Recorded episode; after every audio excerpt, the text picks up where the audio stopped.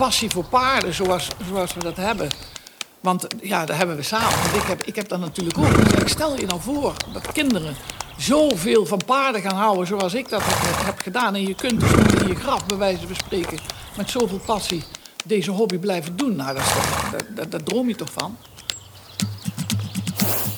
We zitten met een dressuurgigant in deze podcast. Tineke Bartels reed vier Olympische Spelen, waar ze twee keer bijdroeg aan Team Zilver.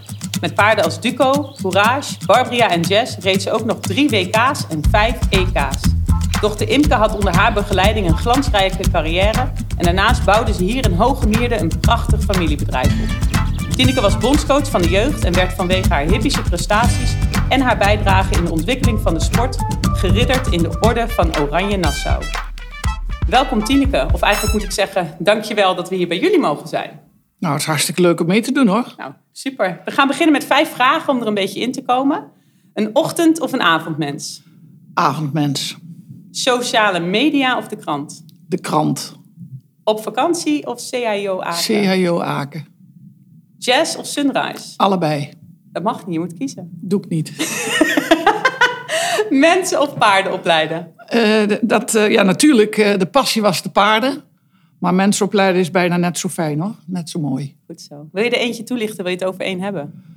Nou ja, ik, ik wil wel zeggen waarom ik jazz en, en eh, eh, Sunrise niet, eh, niet wil kiezen. Omdat het twee zulke verschillende paarden zijn. Gewoon twee dingen. Twee, twee, twee verschillende zaken. Omdat Sunrise natuurlijk uiteindelijk Imke's paard was... die ik van de grond begeleidde voor een heel groot gedeelte. En een Mary was die eh 300% eh, meewerkte. En Jazz was eh, een paard waar ik echt heel erg veel van gehouden heb. Maar een heel ander dier, een hengst. Met de, alle, alle sores die je hebt met een dekhengst. En eh, een beetje een arrogante kerel, zeg maar. Een heerschap. Ja, en eh, dus, dus echt zo anders, maar, maar ook echt fantastisch. Dus ik vergeet ze van twee nooit meer. Nee, veel invloed gehad op jouw Ja. carrière. Ja, mooi als ze dat kunnen. Ja, ja, absoluut. Ja. En zeker omdat natuurlijk ook eh, ja, Imke zo succesvol werd met eh, Sunrise. En eh, Jazz, ja, die leeft nog steeds voort. Dus dat is... Ja, we zien hem nog steeds terug in Ja, overal. en de Ja, verhalen ja, van mensen. En dat blijft, blijft heel mooi. We zijn nu op Academy Bartels, jullie thuishaven. Jullie zijn hier ongeveer 50, 50 jaar geleden, ik moet het goed zeggen, begonnen, jij en Joep. Ehm, neem ons mee terug in de tijd. Hoe zag het eruit? We hebben net al heel even uit het raam gegluurd, maar dat kunnen de mensen natuurlijk niet zien. Ja, hoe het er nu uitziet, kan ik wel goed beschrijven. En eh, hoe het er toen, toen uitzag, dat is eh, zo gezegd. Want toen wij hier kwamen, waren wij allebei nog eh, studenten. Ik studeerde op de sportacademie en Joep die deed psychologie.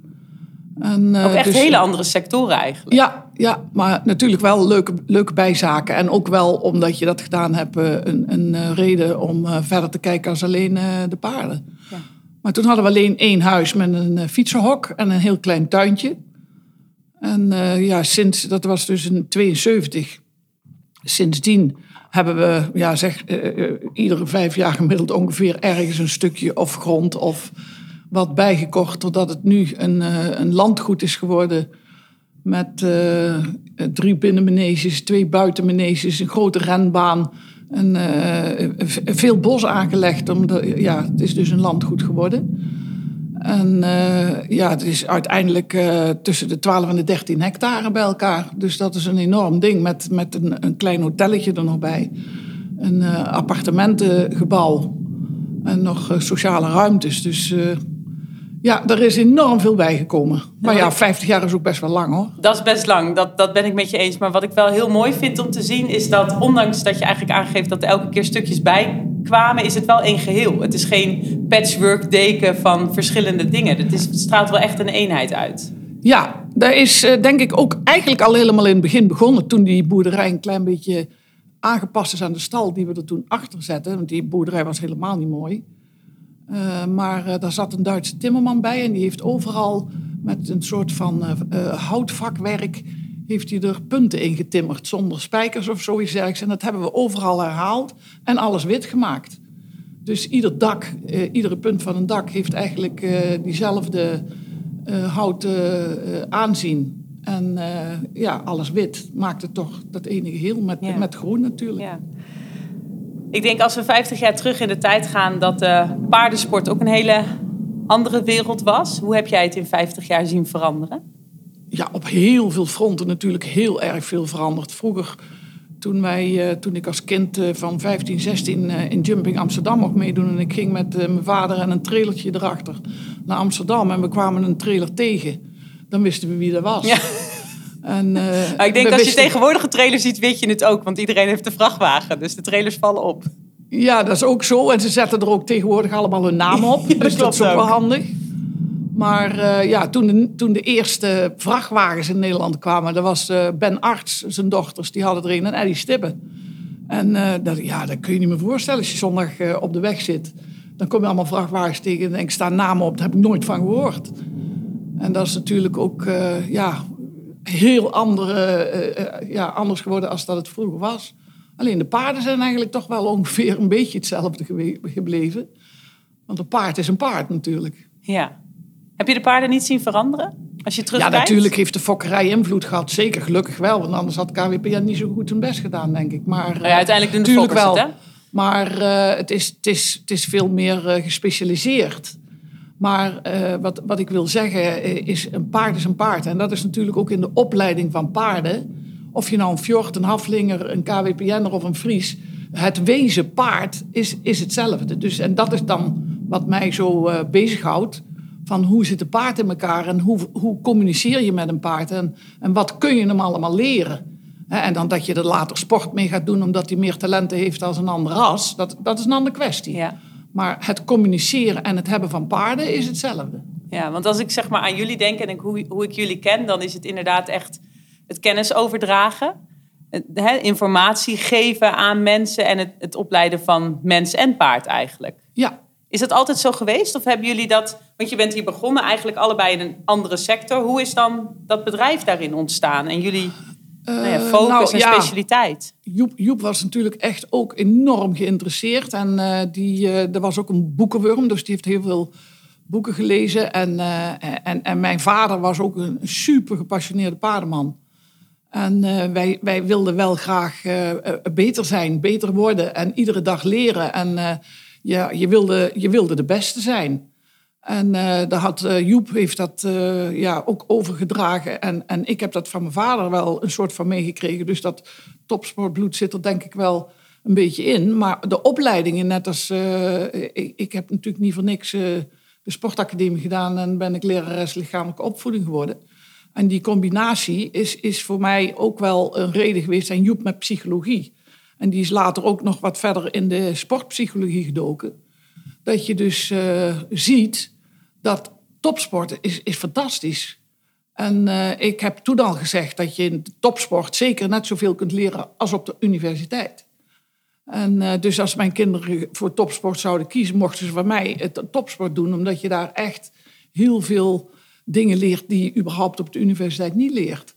En uh, toen Joep stopte met eh, BCM, of bij BCM, en hij terug wilde in de paarden, toen hebben we dat dus echt heel bewust gecombineerd en gezegd van wij gaan voor topsport en educatie. Ja.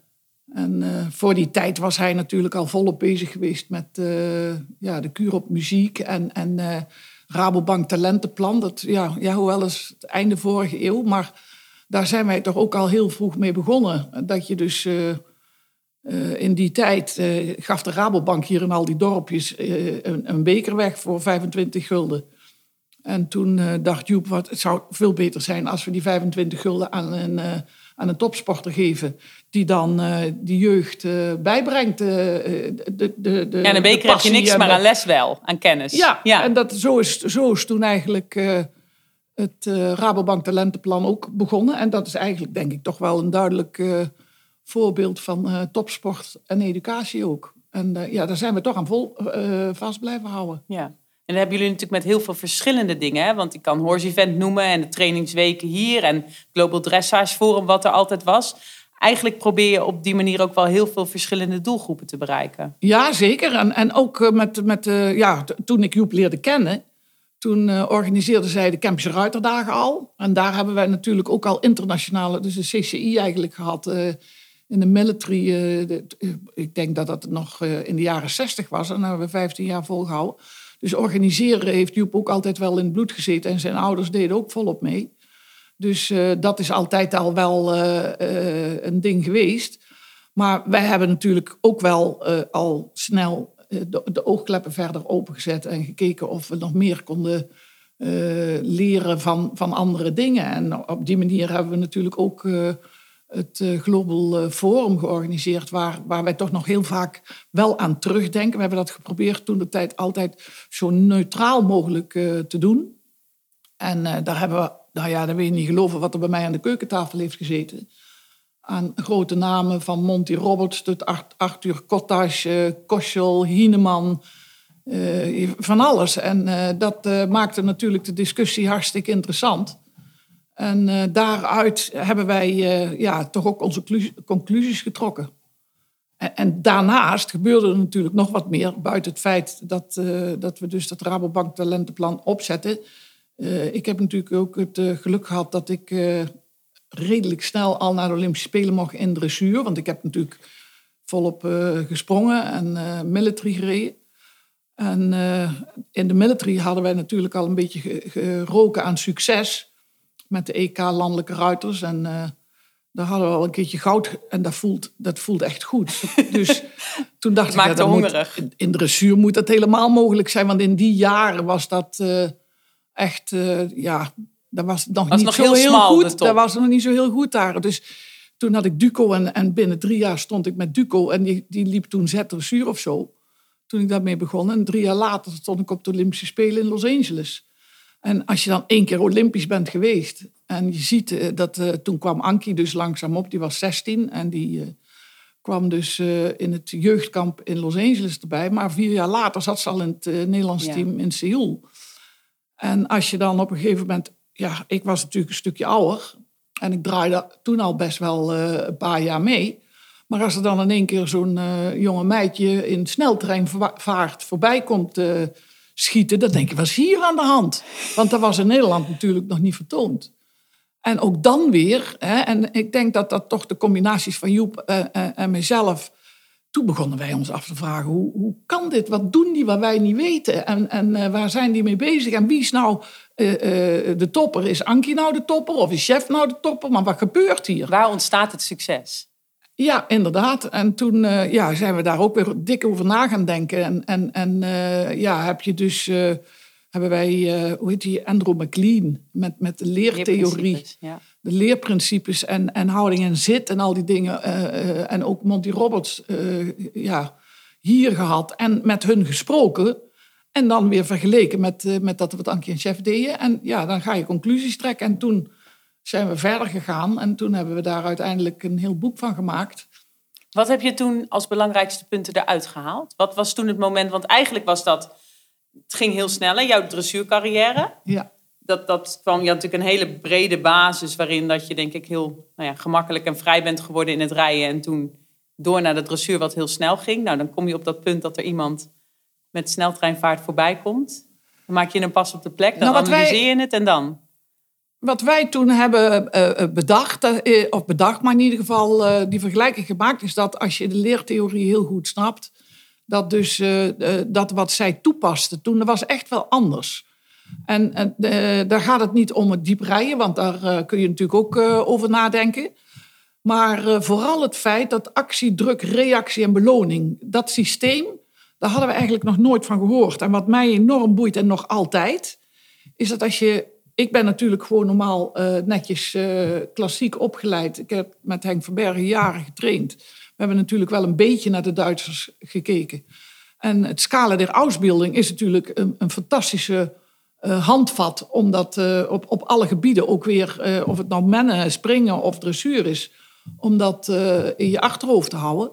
Alleen als het op een gegeven moment met het scala der Ausbildung niet meer lukt, hoe lossen we dan onze problemen op? En dat vonden wij terug in, in het leersysteem. Dus de methode waarin je dus zeg maar met, met, met, ook met Emiel Voest erbij, dat je leert hoe een paard leert. En dat je dat snapt. En als je snapt hoe een paard leert, dan weet je ook hoe je het moet vertellen. En iedereen roept altijd, paarden zijn in principe super positief ingesteld. Uh, dus van, eh, van harte willen ze het eigenlijk altijd wel doen. En als ze het niet meer willen doen, natuurlijk zijn er uitzonderingen, maar als ze het niet meer willen doen, is dat in mijn ogen toch vaak omdat het in het begin van de opleiding fout is gegaan. En dan leer je dus, eh, eh, eh, weet je, de dingen van... Negatief gedrag aan negatief eigenlijk. gedrag. En, en, en dat ze wegvluchten, dat ze verstijven, bevriezen, noem maar op. Ja. En dat, dat is allemaal te begrijpen. En als je dat kunt voorkomen, doordat je heel goed snapt hoe een paard in elkaar zit en een paard snapt jou, dan gaat het allemaal veel makkelijker. Ja. En dan zeg ik niet dat je er allemaal eh, wereldkampioenen van maakt, maar de, de lol en het plezier om met die paarden samen dingen te doen, dat wordt alleen maar groter en groter en groter. Maar het Dus gaat ik- gewoon over elkaar begrijpen. Ja, dat, dat is, dat is eh, alles, denk ik. Ja. Ja, want als zij begrijpen wat ze doen, eh, wat ze moeten doen, dan doen ze het. Daar ben ik vast van overtuigd. En natuurlijk moet je niet met, met, met, eh, met een dressuurpaard wat absoluut geen aanleg voor springen heeft. Ik heb wel geprobeerd hoor, met Jess te springen. maar eh, dat... Want dat, eh, wacht e- even, Jess was natuurlijk nog ver voor de tijd van de specialisatie. Dus Jess in principe heeft Ja. natuurlijk de, de proef afgelegd en die heeft ook nog moeten springen. Die had niet de beste punten, maar Nee, hij heeft nog wel gesprongen. Ja. Maar dat heb je thuis ook nog wel voortgezet. Nou, om een andere reden weer. Maar eh, zeker ook om die reden. Maar vooral ook omdat ik, hoe heet het, ja, ik, ik, ik ben dus een, een topsporter. En dat je dus eh, eh, trainingsleer daar ook weer bij hebt gehaald. Toen heb ik met Erik van Breda al, toen in die tijd, hebben wij voor jazz een, een eh, tra- trainingsschema geschre- geschreven. En hij, ja, weet je, als je aan tafel zit, dan kun je dat heel makkelijk opschrijven. Dus toen had hij voor mij een heel mooi plan gemaakt. En dan moest ik twaalf inuitjes achter elkaar. En dan moest ik dan zeven keer herhalen of zo. Ja, ik overdrijf natuurlijk een beetje, maar in die geest. Ja. En toen ben ik begonnen met één balk op de grond te leggen. je toen en al zo hartslagmeters Toen op, dacht ik, hoe moet ik dit aan Nico Witte gaan vertellen als het dadelijk fout gaat? Dus toen...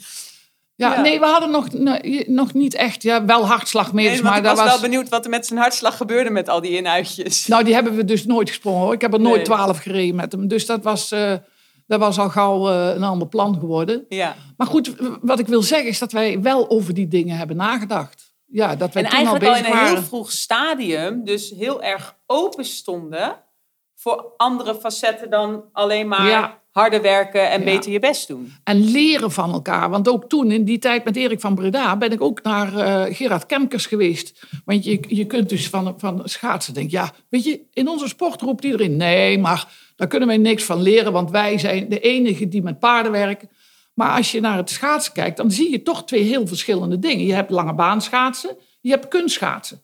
En als je dus, eh, eh, eh, ik heb, eh ja, Sjoukje Dijkstra, die kun je nog spreken, die leeft nog. Als dan, toen werd ze ook een beetje uitgelachen als, als kunstschaatsen. Maar het is een hele andere sport als, als lange baanschaatsen. Dus dat onderscheid, hoe, hoe, valt hun op, die coaches, wat het verschil is tussen kunstschaatsen en lange baanschaatsen. Want het is natuurlijk in de paardensport vergelijkbaar.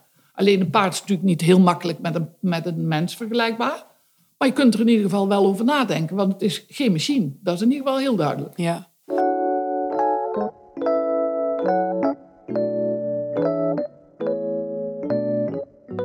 Wat heeft voor jou, want jullie hè, vanaf het begin af aan eigenlijk vol in die topsport en nog steeds. Wat maakt dat zo boeiend? Wat, wat trekt jou daarin? Nou, vooral om, om eh, iedere keer weer te kijken hoe je iedere dag beter kunt worden en hoe je het beter kunt doen als iemand die je bewondert. Want dat is natuurlijk, ja, in het verleden bewonderden wij natuurlijk Anton Ebbe bijvoorbeeld al. En eh, Lucinda Pryor-Palmer. En, en, eh, en in dressuur moet ik eerlijk zeggen, ik, ik ben geen dromer geweest. Maar als je dus mensen echt goed bezig ziet, dat is wel fantastisch. Ja, dat eh, inspireert mij nog altijd. Dan denk ik, ja, wat doen die waar wij niet kunnen? En wat kan ik mijn paard nog meer laten doen om, eh, om toch iedere dag weer een beetje beter te worden? Ja. Ik vind het heel grappig als je dat zegt van, van wie, je, wie je inspireert en waar je naar opkijkt. Want ik heb natuurlijk nou ja, drie meiden, je hebt hier ook kleinkinderen lopen. Maar daar is de wereld zo anders in geworden. Want wij hadden inderdaad vroeger die ruiters als voorbeeld. Ja. En zo wilde je worden. En nu, nou, toevallig iemand die hier ook veel is. Maar nou is het bijvoorbeeld Brit. Ja. Hè, wat, ze, wat ze geweldig vinden. En waar ze helemaal hysterisch worden als ze dat zien. Ja, Dat heeft natuurlijk voor hun als doelstellingen in de jeugd ook wel weer... Het is wel heel anders geworden. dat is zeker anders geworden. Maar ik denk dat dat eh, toevalligheid is. Dat, eh, en dat we nu eigenlijk hartstikke blij zijn dat we Brit hebben, omdat er op het ogenblik niet echt direct iemand in de top uh, zodanig aanspreekt dat, dat de jeugd daar echt. Want Ankie had natuurlijk hetzelfde als wat Brit nu heeft. Hè? Als daar een, een rij komt te staan, geen handtekeningen meer, maar voor selfies. Dan is dat dezelfde rij als dat dat vroeger bij Ankie was. Ja. Je ziet ook dat het gewoon, het is op social media. Hè? Nou, ze zien die video's en dan, dan spreekt dat aan en dan is er gelijk een klik. Ja, maar dat kan natuurlijk ook wel zijn dat er dadelijk iemand opstaat die, die dat ook kan. Ja. En die daar geschikt voor is en die toevallig uh, de beste van Nederland is. Of, of überhaupt ook, dat zou kunnen, want die hebben we toch in nodig. Ja. En niet alleen voor de jeugd, maar überhaupt denk ik. En, en als dat dan zo is, en je hebt, ja, dat is wel een gave. Ankie, Ankie kon dat natuurlijk ook, ook wel. En dat is, dat is wel een dingetje waar, ja, waar je tegenwoordig wel op zit te wachten. Want dat zal toch voor de toekomst wel handig zijn als er zo iemand is waar ze wakker van liggen. Nou ja, dat je ambassadeurs hebt. Ja, absoluut. Ja. ja, want dat is natuurlijk wel iets waar we steeds meer mee te maken krijgen. Alles wat ze nou ja, in de buitenwereld van ons vinden en wat er, wat er gezegd wordt. Ja, zeker. En dan heb je wel mensen nodig die het goed kunnen verwoorden. En Brit doet daar super de best voor. Dus uh, die kan natuurlijk nooit een topsporter worden, want er is het gewoon veel te druk voor met een ander, uh, ander vak. Maar uh, die doet wel echt het best om, om de goede dingen naar buiten te brengen. En, en zeg maar de passie voor paarden zoals, ja. zoals we dat hebben. Want ja, dat hebben we samen. Want ik heb, ik heb dat natuurlijk ook. En zeg, stel je dan voor dat kinderen zoveel van paarden gaan houden zoals ik dat heb gedaan. En je kunt dus tot in je graf, bij wijze van spreken, met zoveel passie deze hobby blijven doen. Nou, dat is toch, dat, droom je toch van? Dan hoeft het niet per se topsport te zijn boeit wel, maar uh, hè, want eh, dat is wel wat mij bezighoudt.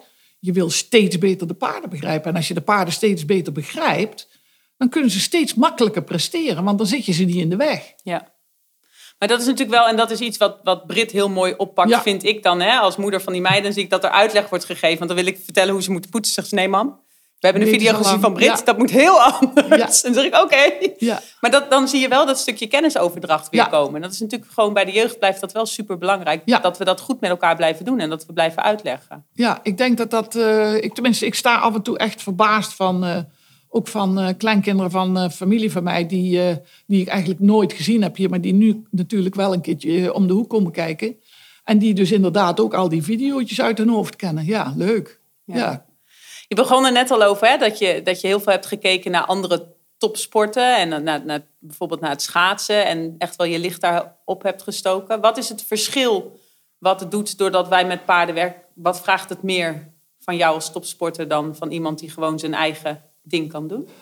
Uh, ik weet niet of het meer vraagt. Want uh, als iemand topsporter wil zijn, dan, dan een echte topsporter zegt nooit dat hij er veel voor heeft moeten laten. En dat ze er veel voor moeten doen is dan een, een ander ding. Maar dat, dat blijft hetzelfde. Uh, het eerste wat mij opvalt is eigenlijk dat je dus er misschien wat langer over doet. Voordat je echt goed bent. Omdat je dus ook een paard nog beter moet leren kennen. Ik kan me voorstellen dat uh, Max, hoe heet die? Verstappen. Max Verstappen zijn auto helemaal uit zijn hoofd kent. En als hij die dan eenmaal kent, dan kent hij hem. Ja. En als er iets veranderd wordt, dan weet hij dat en dan blijft het zo. Alleen met paarden is het iedere keer opnieuw. Ieder, ieder paard is een eigen individu en een eigen personality. En, en dat maakt het zo boeiend. En, en daarom is het ook zo'n uh, zo'n mooie hobby. Dat je iedere keer van ieder paard weer leert. Dus het is ingewikkelder, maar wel boeiender. Ja omdat je dus uh, iedere keer weer... Verdomd, dat heb ik nog nooit meegemaakt. Want hoe vaak komen wij mensen tegen die succesvol zijn? Of hoe vaak, maar dat kan gebeuren dat je eerste paard heel succesvol is. En die denken dan allemaal dat ze het weten. En dan beginnen ze allemaal pech te krijgen, weet je wel? Want dan uh, met het tweede paard, ja, pech hier, pech daar. Maar dan hebben ze niet in de gaten dat dat tweede paard en dat derde paard is niet hetzelfde machine als die eerste. En dat maakt het zo uh, fantastisch. En ja, weet je, ik vind het een voordeel dat het zo lang duurt voordat je het uh, goed snapt. Ik zeg, want nu ben ik zo oud. En nu heb ik echt pas een klein beetje de indruk dat ik het echt begin te snappen. Ja, het is af en toe wel eens, dan denk ik, je leert elke dag, maar is het in een leven bijna wel te leren? Jawel, maar je moet ook een keer tevreden zijn en genieten. ja, ik bedoel, ja, weet je, als je, als je mij vraagt, dan, dan zijn er nog een paar dingen die ik niet meegemaakt heb en die ik ook niet mee ga maken. Maar waar heb je van genoten? Wat zijn voor jou echt dingen als je terugkijkt dat je zegt, oh, dat vond ik zo geweldig? Ehm, ja, het presteren, maar vooral ook van, van Imke met Sunrise. Daar heb ik wel echt... eh, dat je dus... eh eh, daar rolde wel eens tranen over je wangen als je dus... En zeker die, eh, die keren dat Imke de kuur op muziek van Bibi reed. En als die dan 100% paste. En, je, en dat paard doet dan precies wat je wil. En het lijkt net alsof ze meedenkt en meedoet. En dat is, dat is echt eh, eh, het ultieme, denk ik, van, eh, van dit vak. Is het dan nog mooier als je je dochter dat ziet doen dan dat je het Ja, zelf doet? ja, ja, dat denk ik wel. Maar ik moet, ik weet je, het is te ver weg. Maar ik heb eh, in de military heb ik, heb ik ook wel eh, eh, hele mooie momenten meegemaakt. Dat je, want dan rij je nooit tegen een ander. Dan rij je altijd voor jezelf. Hoe bedoel je? Wat is het verschil dan? Dat is toch ook een wedstrijd? Ja, maar met een paard door een hele zware cross en dan aan de finish komen. En, en dat hij er alles voor gedaan heeft om jou, jouw safe thuis te brengen. En, en, want ja, een military paard moet af en toe ook een keer een probleem voor jou oplossen. En- ik denk als en- ik het deed heel vaak. Ja, maar dat is dus wel, eh, dat is ook, daar krijg je ook kippenvel van. Ja. Als een paard jou helpt om eh, aan de andere kant te komen zonder eh, dat, dat we over de kop gaan. En natuurlijk was het spannend.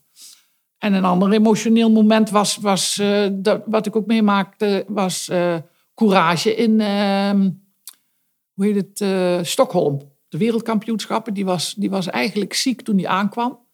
Die hebben we niet kunnen trainen. En die heeft dus, eh, eh, Courage was eigenlijk best wel al oud toen die bij mij kwam. Die was al elf of zo. En die moest toen nog een hele tour doen voordat het allemaal ging. En die was in, in Stockholm dus ziek. Maar uiteindelijk op de dag, Jan Greven was dierenarts. En toen zei Jan van op de dag van de wedstrijd dat hij wel kon lopen. Maar dan moest ik niet te veel losrijden. En toen, ja, toen heb ik er een eh, zeg maar half uurtje, twintig minuten eh, mee gereden. En toen heeft hij eh, in dat stadion, in dat Olympisch stadion in Stockholm, heeft hij voor zijn doen de beste proef ever gelopen. Ja. En toen dacht ik echt, dat heeft hij voor mij gedaan.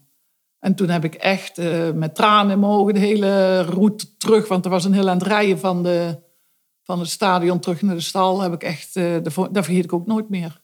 En dat zijn wel mooie momenten, want dat zijn dan dingen die weet jij en het team eromheen. Ja, Maar de rest niet. Maar dat Nee. is dan wel echt dat de band de met je paard. Dat is de emotie met je paard, ja zeker. Maar goed, weet je, als je nou naar de Tour de France kijkt, eh, dan, dan zie je ook hè, degene die uit die eh, ploeg eh, de etappe wint waar die jongen van verongelukte. Daar hoef je geen paard voor te hebben om, Nee. om emotie te zien. Hè? En toch zie je dat daar ook dingen misgaan. Want zoals gisteren zat iedereen helemaal gekluisterd aan de televisie dat, dat Poels wint. En niet het moment dat hij over de finish komt, want dan zijn ze heel druk met iets anders. Ja, En dat is natuurlijk wat, wat bij ons ook nog wel eens is. Hè? Dat de buitenwereld met wat anders bezig Ja, is dan de mensen die er heel dichtbij betrokken zijn. ja, ja absoluut. Ja. Maar daarom maakt het, ja, sport is gewoon emotie, hè? Ja, en dat levert Prachtig. mooie gesprekken op en af en toe een keer onweer, zeg ik altijd. Ja, zeker. Maar daarom is het ook mooi. Als, het, als je echt eh, teleurgesteld bent en zo, dan, dan, dan gaat het ook wel diep soms. Als paarden wat... eh nou moet ik eerlijk zeggen, ik heb niet zo drama's meegemaakt eh, met paarden, hoor. En ik ben denk ik in mijn jeugd gehard. Want mijn vader die eh, verkocht nog alles paarden. Toen heb ik zoveel tranen gelaten dat ik die gewoon nou niet meer over heb, denk ik. Maar eh, toen is hij met mij getrouwd en die zei van als je nou met mij trouwt, dan eh, verkoop ik nooit jouw paard meer. En dat, heeft dat is wel een uitspraak. maar dat heeft hij ook nooit gedaan. Nee? Nee. Dus als er één ging, dan was dat jouw besluit. Ja. Ja. Oh, dat is wel heel mooi. Ja. Maar er zijn er niet veel gegaan, hoor. Nee? Nee. Nee, niet... niet nee, nee. Ze zijn eigenlijk bijna allemaal met pensioen hier gegaan. Ja, mijn paarden wel. Ja, Sunrise. Ja, Jazz dan niet. Barbria. Maar van, van eh, Jazz en eh, Lancet, dat was in 2004. Daar hebben wij ook wel eh, eh, een rouwperiode van gehad, Imke en ik. Want dat was tegelijkertijd. Lancet werd meteen ver- verkocht. En ik had een afspraak, dus dat was met Nico en de eigenaren... dat, dat, eh, dat die weg zou gaan. Dus ik was er wel op voorbereid. Maar dat maakte dus eh, het afscheid niet eh, minder heftig. Dus van jazz ben ik ook wel heel ziek geweest. Ja. Maar goed, dat, dat, dat, dat is het vak. Hè? Je hebt Ja. een commerciële engel op je schouder en je hebt een emotionele engel op die andere schouder. Dat moet je dan leren. Dat is wel in dit vak soms wat hard. Maar daar mag ik absoluut niet over klagen. Nee, maar als je natuurlijk veel, jullie hebben denk ik ook wel veel paarden zelf in eigendom gehad. Dan wordt dat ook makkelijker. Ja, en Sunrise is natuurlijk fantastische eigenaar in de familie Smarius. Dus eh, die is ook gewoon hier gestorven. Ja. Ja. Blijft mooi als je dan de hele levensloop zo bij je kan houden. Echt wel. Ja. Als ik kijk naar, naar jullie bedrijf, ehm, hebben jullie kennisoverdracht wel hoog in het vaandel. Dat is iets wat wij natuurlijk bij het KWPN ook echt proberen te doen, omdat we ook denken naar de toekomst toe dat dat belangrijker en belangrijker wordt. Hoe zien jullie dat naar de toekomst toe? Waar liggen daar voor ons de ontwikkelpunten of voor jullie? Of wat moeten we als sector daarin?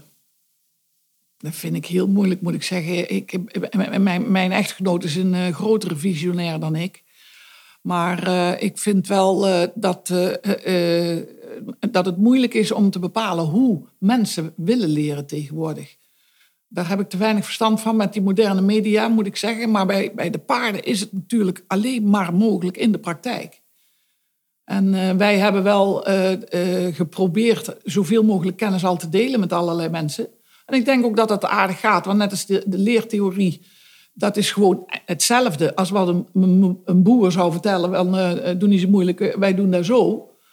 En omdat er dus natuurlijk steeds minder mensen geboren worden op een boerderij of tussen de paarden en de dingen, proberen wij al ja, om die reden mensen uit te leggen en, en terug te vertalen naar uh, didactische modellen om, om uh, mensen te leren wat wij weten, maar wat je dan uh, uit moet leggen, zodat ze het snappen. Want we doen natuurlijk een heleboel dingen die we doen omdat dat, nou ja, dat we niet anders weten en dat het ja, goed is. Maar mensen die wel... dat verstand niet hebben, kijken er natuurlijk heel anders tegenaan.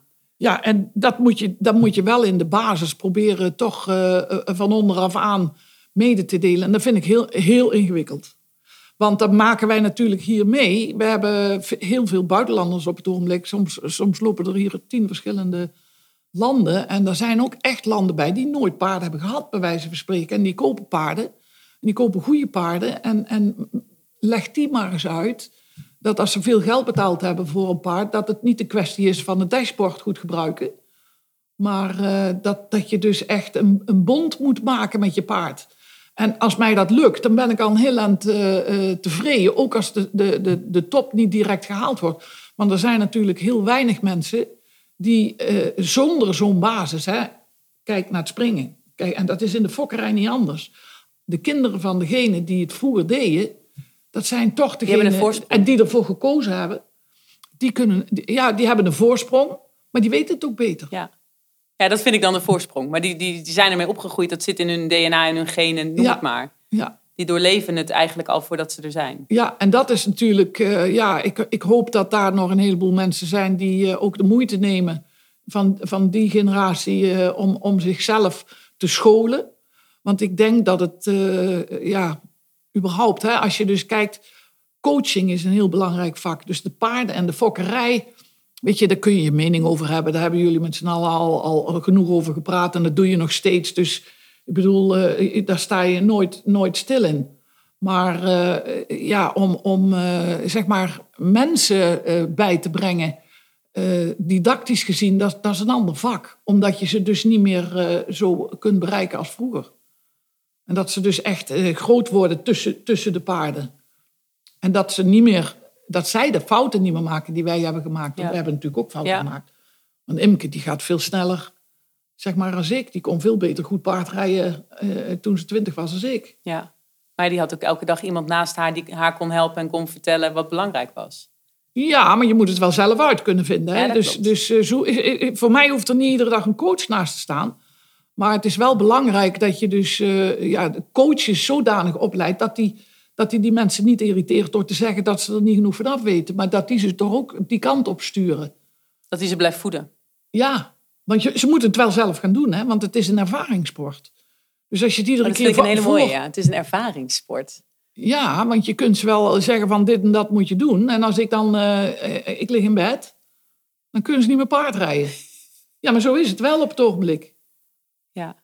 En dat, dat is dus wat... Uh, ik, ik had uh, les van Henk Verberg. Die kwam één keer in, in de twee weken in Deurne. En als hij niet kwam, kwam hij één keer in de maand. Dus dan had ik zeg maar uh, eh, 16 keer les per jaar. En moest je dooroefenen? En de rest deed ik zelf. En ging ik kijken, maar je ziet in, het, in de trainingsweek ook wel. Maar ja, nou ja, jij weet precies hoe in Deurne de oude, de oude hap pissig werd... als studenten op de kant zaten te, te te praten terwijl er iemand uh, van uh, een, een uh, hoger kaliber les stond te geven en ze luisterden niet. Ja. Of ze keken niet. Ja, ik Maar tegenwoordig, tegenwoordig zitten ze hier op, de, eh, op het terras eh, op hun telefoon naar ons te kijken. Dus, en dat is wel een dingetje. Ja, dan weet ik ook niet hoe ik dat op moet lossen. Nee. nee, maar dat blijft wel het moeilijke. Los van dat er natuurlijk met die telefoons en met de hele digitale wereld heel veel afleiding is gekomen. En dat het veel makkelijker is om bijvoorbeeld eventjes een proef online terug te kijken. In plaats van dat je echt naar concours gaat en het losrijden ziet. En nou ja, daar Ja. je licht op steekt. Is het ook gewoon wel het openstaan voor, denk ik af en toe. Nou, dat is, dat is sowieso zeker. Maar ik moet ook eerlijk zeggen dat ik zelf, hè, want ik ben een soort van eh digibeet, maar ik ben nog niet zo handig Clip My Horse terug te draaien. Maar er zijn natuurlijk inderdaad wel eh, mogelijkheden om op die manier, eh, eh, ja, zeg maar, te leren als je dat wil. Maar ik denk dat als je echt die passie wil krijgen, dat je toch paarden moet ruiken hoor. Dan kan je niet alleen van een filmpje. Nee. Dan moet je echt eh, tussen zitten en af en toe een keer. Wij hebben hier nou sinds tien jaar weer een keer een veulentje. Dat dat gewoon ook een keer die hele tour, dat je dat weer een keertje meemaakt. En ja, weet je, dat is toch, je wil paarden toch voelen, ruiken. En, Ik heb hem net even bewonderd. Ik denk, wat leuk, er loopt Ja. er een veulen. Ja. Bijzonder om weer mee te maken. ja, zeker, tuurlijk. Ja, uit, eh, uit, ja, uit de Siswanne is dat. ja, hè? uit de zek. Dus, ja. Jullie sportmerrie, Ja. ja. Dus eh, ja, natuurlijk is dat leuk. En Honoré, waar ik net op zat, die, eh, die, hebben, die hebben we ook zelf gefokt. Eh, Ja, wij zijn geen fokkers, maar eh, dan maak je wel alles mee, weet je. En dat hebben wij natuurlijk ja, wel gedaan. We, eh, eh, toen ik Joep leerde kennen, heb ik ook op de renbaan eh, mee eh, ren, eh, volbloeds eh, getraind. En, eh, en ik heb een men-diploma gehaald en, en al die dingen, weet je. Ja, dat, dat zijn wel dingen waardoor je dus wel eh, die passie eh, Ja. krijgt. Wordt het voor kinderen en voor de jeugd nu ook al te eenzijdig? Is het nog ja, breed genoeg? absoluut. Nee, nee, ik vind het erg eenzijdig. Ja, want ik denk, eh, weet je, als je terugkijkt in de tijd wat er anders was, dus wij hadden wel echt lol.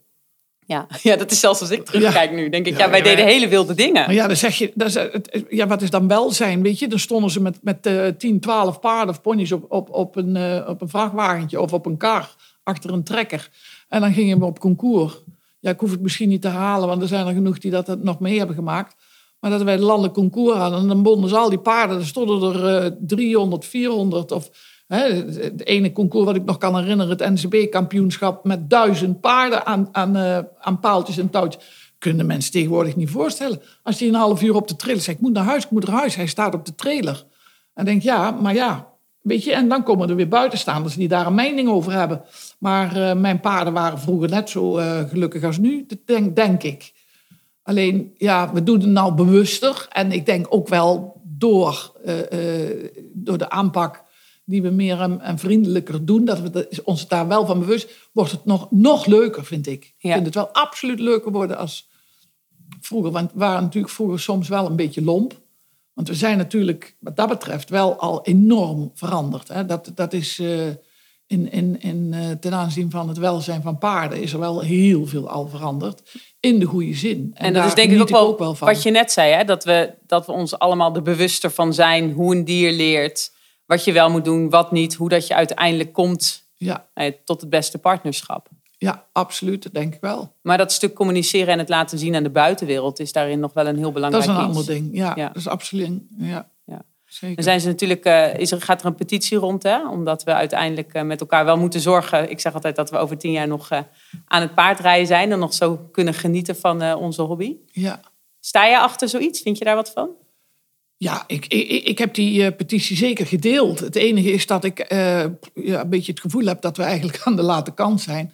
En dat we eh, jaren eerder al veel scher- scherper hadden moeten zijn. En deze, deze petitie in mijn ogen kan ook al scherper zijn. In de zin van, wij zijn eigenlijk de experts. Hè? En ik vind ook dat we naar buiten moeten brengen. Dat we zelf heel goed weten waar we mee bezig zijn. En natuurlijk moet intern ook een heleboel nog eh, veranderen. Want we hebben ook wel eh, dingen op te ruimen die, eh, die moeten veranderen en beter moeten worden. Maar ja, wat ik net zeg, er is al een heleboel veranderd. En ik vind ook dat we daar met z'n allen achter moeten staan en, en uitstralen dat we het goed doen. Onze paarden hebben het echt fantastisch. En zeker zijn er nog dingen die beter moeten. En de dingen die beter moeten, moeten we ook gewoon eh, eh, naar buiten eh, laten weten. En dat we daarmee bezig zijn. Wat vind jij punten waar we nog kunnen verbeteren? Ehm, ja, in, in, in, hoe, hoe beter je paarden snapt. Dat je dus paarden, dat je dus echt een relatie met een paard kunt, kunt creëren door uh, te communiceren op de juiste wijze. En dat, dat vind ik wel een heel moeilijk ding. Omdat je kunt van paarden een heleboel gedaan krijgen. Omdat ze zo positief gewillig zijn in principe. veel positiever als dat sommige mensen nog, nog denken. En die mensen die dat niet 100% achter staan uh, die vind ik dat ik, die zou ik dat graag wel uh, vertellen en, en uh, meegeven. En er zijn nog wat dingetjes, eh, ja, er zijn altijd slechte, ja, net als met de honden hier in, in Eersel, noem ik maar iets. Ja, zulke dingen komen bij paarden ook nog voor. Er zijn ook nog verwaarloosde ponnetjes en er zijn ook nog maneges waar het beter moet. En er zijn ook nog topsporters. en ik, ik, in, de, in de absolute topsport niet, denk ik. Maar degenen die zo nodig willen en het net niet kunnen redden, die, die zien we niet altijd. Maar daar moeten we wel op letten. En die moeten wij wel uitleggen dat het anders moet en anders kan. Ja, ik ben natuurlijk regelmatig op, op topstallen, om het zo maar te zeggen. Maar als je dan ziet nou, hoe zo'n paard in de watten wordt gelegd... en hoe er ja. ongeveer één iemand misschien met drie of vier paarden op een dag bezig is... en wat er gebeurt, dan denk ik, ja, misschien laten we dat wel te weinig zien. Hoe goed we ervoor zorgen en hoeveel we Ja, zelfs zo dat, je, dat, dat mensen echt vinden dat ze er alles aan moeten doen om een paard uh, zo'n fijn leven te geven. Ja. Dat ze bijna overdrijven. En ik zeg, nou zo erg is het ook niet hoor. En uh, nee, dus uh, dat, dat, dat, is natuurlijk alles met mate.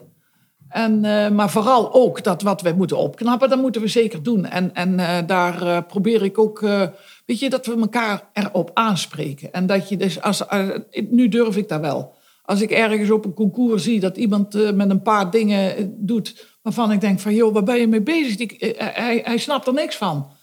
En hij gaat ook niet doen wat je vraagt, want je vraagt zulke rare dingen dat ik niet eens snap wat jij aan het doen bent.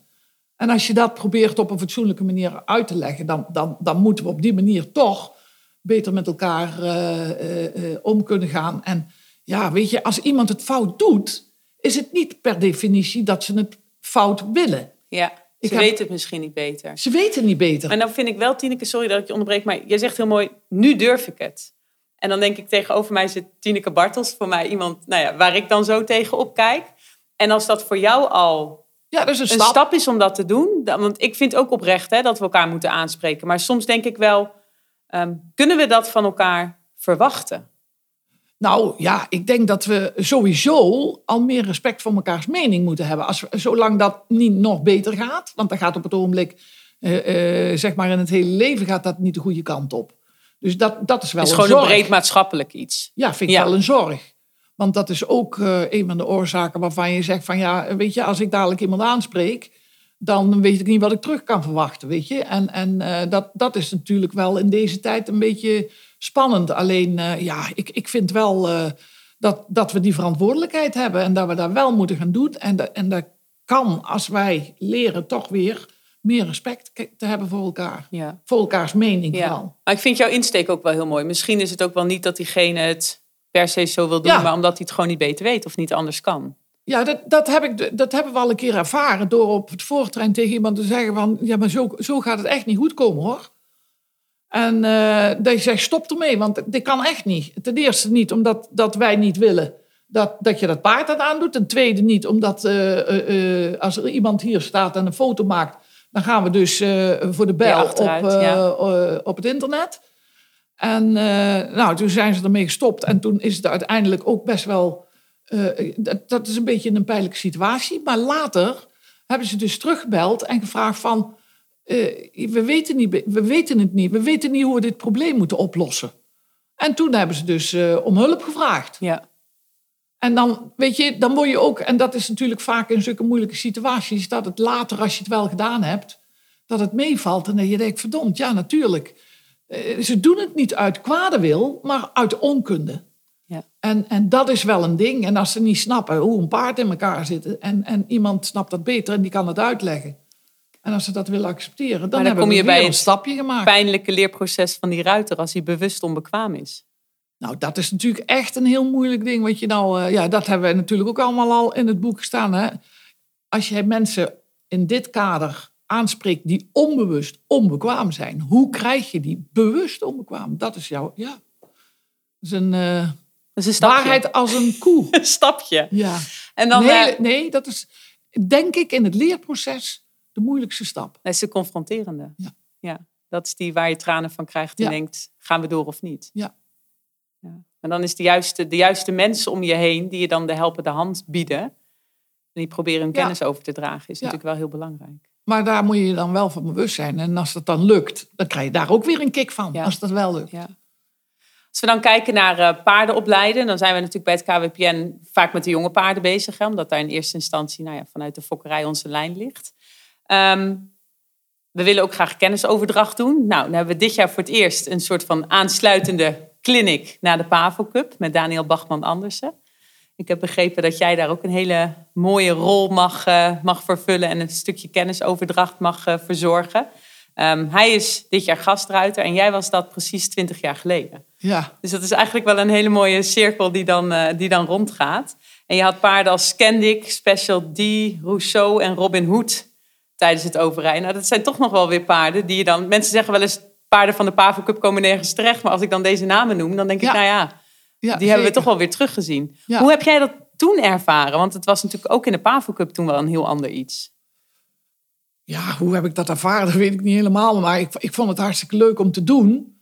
Ehm, het beste is uh, Scandic mij bijgebleven. Ja, Wat is je bijgebleven? dat, eh, het is wel grappig, want het is natuurlijk toch een vak. Hè? Eh, eh, hoe, hoe zijn paarden gereden? En, Ja. en eh, als je over, over ja, hoe moet ik dat zeggen?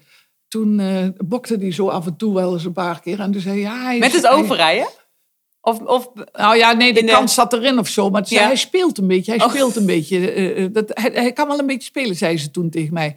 En toen gaf ik een been en toen dacht ik, oké, dit is het spelen. en eh, toen dacht ik, ik laat hem toch maar niet, niet te veel spelen, weet je wel. Maar dat je dus, eh, ja, toen wist ik niet zo heel veel wat ik toen wist. Maar ik had toch al wel een beetje gevoel voor paarden, weet je.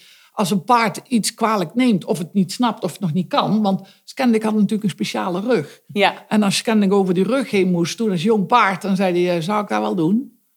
En dan moet je er zo'n paard op, in positieve zin overtuigen. Ja. En dat is dus kennelijk wel gebeurd. Maar dat is wel, als ik terugkijk, een, een, die heeft dus een hele goede opleiding gehad. Want als ik dus eh, eh, ja, dat gevoel wat ik toen had eh, vertaal, dan denk ik, dat wordt nog best wel een klus om zo'n paard over de rug te rijden. En dan helemaal, zeg maar, als je dan de principes eh, hanteert van eh, hij moet eh, in, in balans, in evenwicht, Ja, en dalen over de rug. En dan moet hij uiteindelijk bergop gaan lopen. Dan is dat toch een klus en dat is allemaal geklaard. Dus, Maar dat, valt ik staat natuurlijk met waar zo'n paard terechtkomt. Precies, dat denk ik wel. Dat denk ik wel, want het is natuurlijk... ik, ik denk misschien, ja natuurlijk hebben wij Sunrise en Jazz al... maar wij hebben ook wel paarden gehad die niet de allergrootste talenten waren... maar waarvan je uiteindelijk toch eh, eh, een teampaard kon maken. En eh, dat, dat is dan ook wel als je dus eh, eh, eh, ja, de tijd erin steekt... en dan krijg je toch een mooi product van arbeid, zei ik dan altijd maar. Ja, want ik vind het wel, wel mooi hoe je dat zegt. Want volgens mij leiden jullie best heel veel jonge paarden op, hè? Richting Ja. topsport. En toch zijn jullie niet de Pavo Cup deelnemers, om het zo Nee, maar te zeggen. Nee. Heb je een andere visie op, op hoe dat je ze wil opleiden? Past het er niet in? Of zeg je Ik van weet, het brengt ons ik, niet ik genoeg? weet het niet. Ik denk dat eh, mensen dat denken. Dat denk ik juist dat je dat de eigenaren misschien wel moet vragen waarom ze ze nooit bij ons gebracht hebben. Ja? Of nooit, dat is niet waar natuurlijk. Want Nee, we er zijn hebben, er wel een We hebben aantal. een heel rijtje eh, eh, hengsten gehad.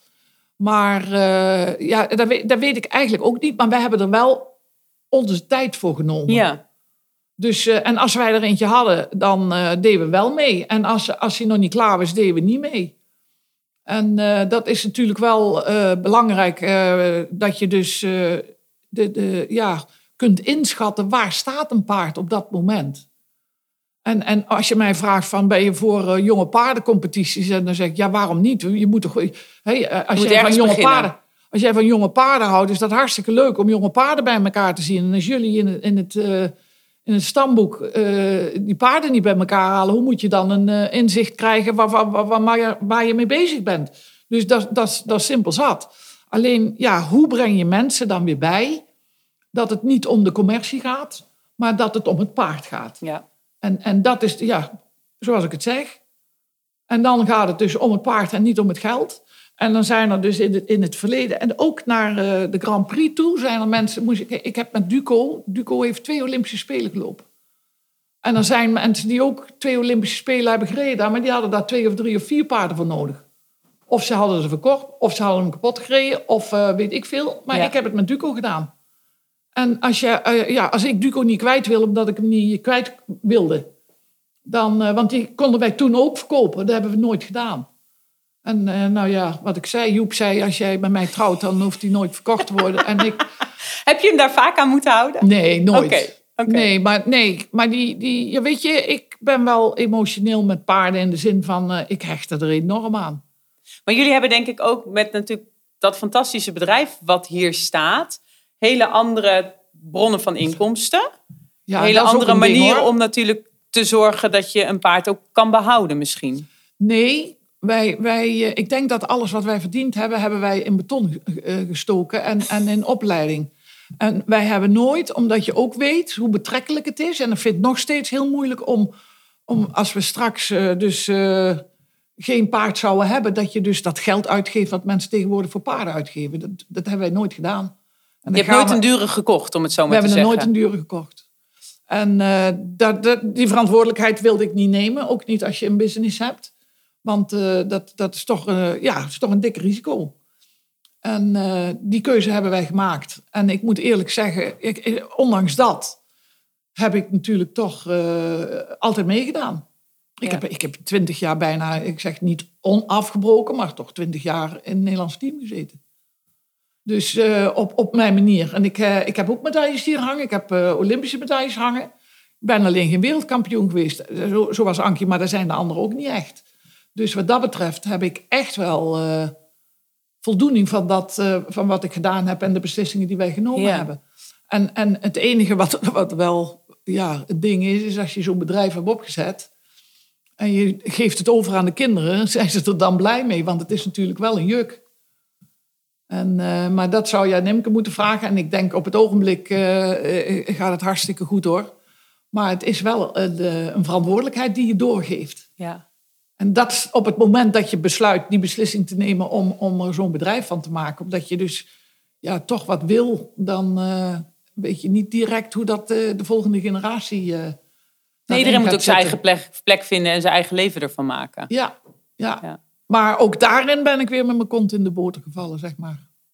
Dus heb ik het ook super naar mijn zin. En ik hoop dat de kinderen dat later ook weer gaan zeggen. Ja. Ja, ze moet je allemaal vormgeven. Heel even terug nog naar het verhaal van die clinic met de Pavo Cup. Daar komen instructeurs.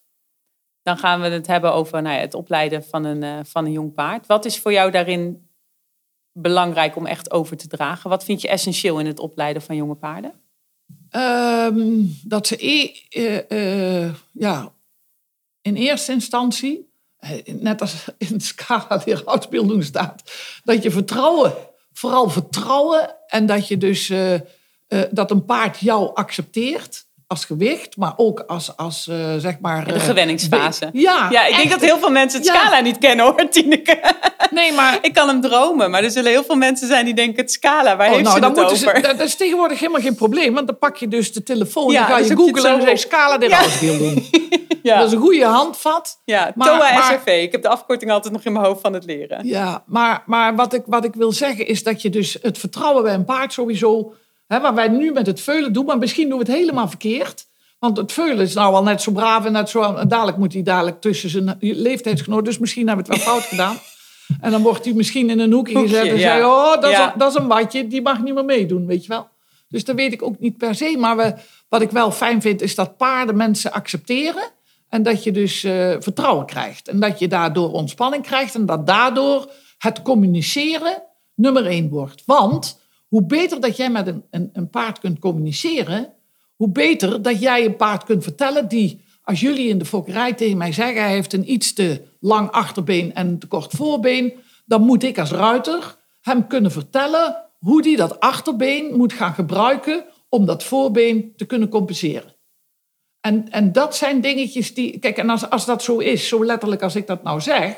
dan heeft een jong paard misschien een klein beetje meer tijd nodig. als een paard met een, eh, vierkant achterbeen. En die ga je starten. Die loopt vanaf het allereerste moment dat je erop zit in balans, in evenwicht. Dan kun je meteen door. Dan Ja. hoef je die gewenningsfase niet zo lang te laten duren. Nee.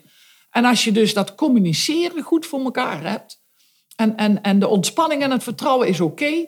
dan begint er dus de, het biomechanisch paardrijden in de zin van. nu begin ik hem te trainen.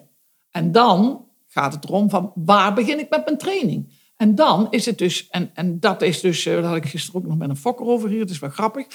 Als jullie paarden fokken en, jij, en iemand eh, vraagt aan jou, wat vind jij van mijn veulen of wat vind je van mijn paard? En jij wordt kritisch en je zegt van ja, leuk, maar een beetje te, te, plat in de schoft. Nou, nog, nog een dingetje wat je niet zo fijn vindt. En dan die man naar huis, kei pissig op jou. En denk, nou, die, eh, of heeft er geen verstand van, of wat is dat een negatief. Ik zeg, maar waarom kunnen we niet gewoon accepteren dat je er naar kijkt zoals het is, neutraal waarneemt en die waarneming dus omzet in gegevens waarin je de training mee op moet bouwen. Ja. Nou, en als je dan een aantal grote, eh, het lijstje is best wel groot van een bepaalde eh, eh, tekortkomingen, dan doe je er wel langer over. Maar dat wil niet zeggen dat dat paard niet dezelfde prestaties kan gaan leveren als hij dadelijk 8, 9 jaar is. Maar dan, dan wordt hij waarschijnlijk geen kampioen eh, als 7-jarige, omdat hij die, die eerdere jaren nodig heeft om die andere dingen te compenseren. En als je dat goed kunt en je snapt hoe eh, fysiologie in elkaar zit, hoe biomechanisch een paard in elkaar zit en dat je dus de ontwikkeling van spieren, de ontwikkeling van zijn mentale weerbaarheid, want als hij het heel vervelend vindt om zijn schoft naar boven te laten lopen en jij forceert hem daarin en, en hij kan dat mentaal niet aan, dan doe je daar ook weer een maand of twee maanden langer over. Dus voor mij is dat eigenlijk heel logisch en daar kan ik een optelsom van maken. Maar mensen eh, eh, eh, vinden het soms, denk ik, toch te moeilijk om goed naar hun paard te kijken. Wat, wat moet ik daar aan veranderen of verbeteren om een optimaal resultaat te krijgen aan het einde van de, van de rit? Of willen we in deze maatschappij te snel? Ja, natuurlijk willen we te snel, want dan slaan we dingen over.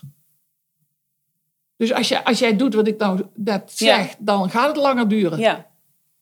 En als jij dus dingen overslaat en jij hebt een paard met een te lang achterbeen, dan, dan zul je er met de handrem, als, als hij krachtig is, dan zul je er met de handrem op blijven zitten de rest van zijn leven. Weghalslengte. bijvoorbeeld. Ja.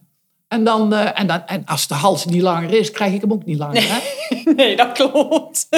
Ik heb dat Barbara, klopt. Barbara zijn nek heb ik ook niet langer gekregen. Dus, Nee, eh, nee. Nee, oké, maar uiteindelijk is het wel elke dag kijken en voelen en omgaan met dat lichaam onder je Ja. en daar weer op anticiperen. maar, maar ook dit. Ja, erover nadenken. Ja, mensen zien jouw Nee, vinger niet. nee, nee, de, mentaal, nee, Oh, mentaal, de, de ja. mentale eh, weerbaarheid van een paard. Van, Ja. van hoe voelt hij het zelf aan in zijn eigen lijf en kan die ermee? Maar is dat niet als jij elke dag oprecht kijkt en luistert naar wat dat paardje vertelt, dat je dat eigenlijk doet? Dat hoop ik, ja. ja. Het is misschien een beetje een ingewikkeld verhaal, maar ik denk wel... Ja, ik denk dat daar toch wel eh, het verschil zit van... als je dat allemaal goed voor elkaar hebt, dan kan het langer duren als dat je wil. Ja. En als we dan kijken, ehm, want oké, zoals de Pavo Cup of andere jonge paardenwedstrijden is natuurlijk wel een manier om ze al spelenderwijs met nou ja, wat simpele proeven aan de gang te krijgen. Vind je het wel belangrijk dat paarden al nou ja, dat, dat leren om te doen? Of Ja. zeg je van als wij ze thuis houden en we leiden ze op, kunnen ze gelijk St. George mee? Nee. Dat, eh, nou, nee, dat zeker niet wat je nou zegt. Want ze moeten echt wel ervaring opdoen. Maar eh, ja, hoe moet ik dat zeggen? Het, is wel, eh, als je te vroeg echt eh, wilt scoren op onderdelen, dan, dan dat is een ander vak. Dus als je, als je een paard, zeg ik maar, in de basis gewoon in balans wil hebben, hè, dat je dus vertrouwen, dat is toch te beoordelen door juryleden, Ja. vertrouwen, Ja.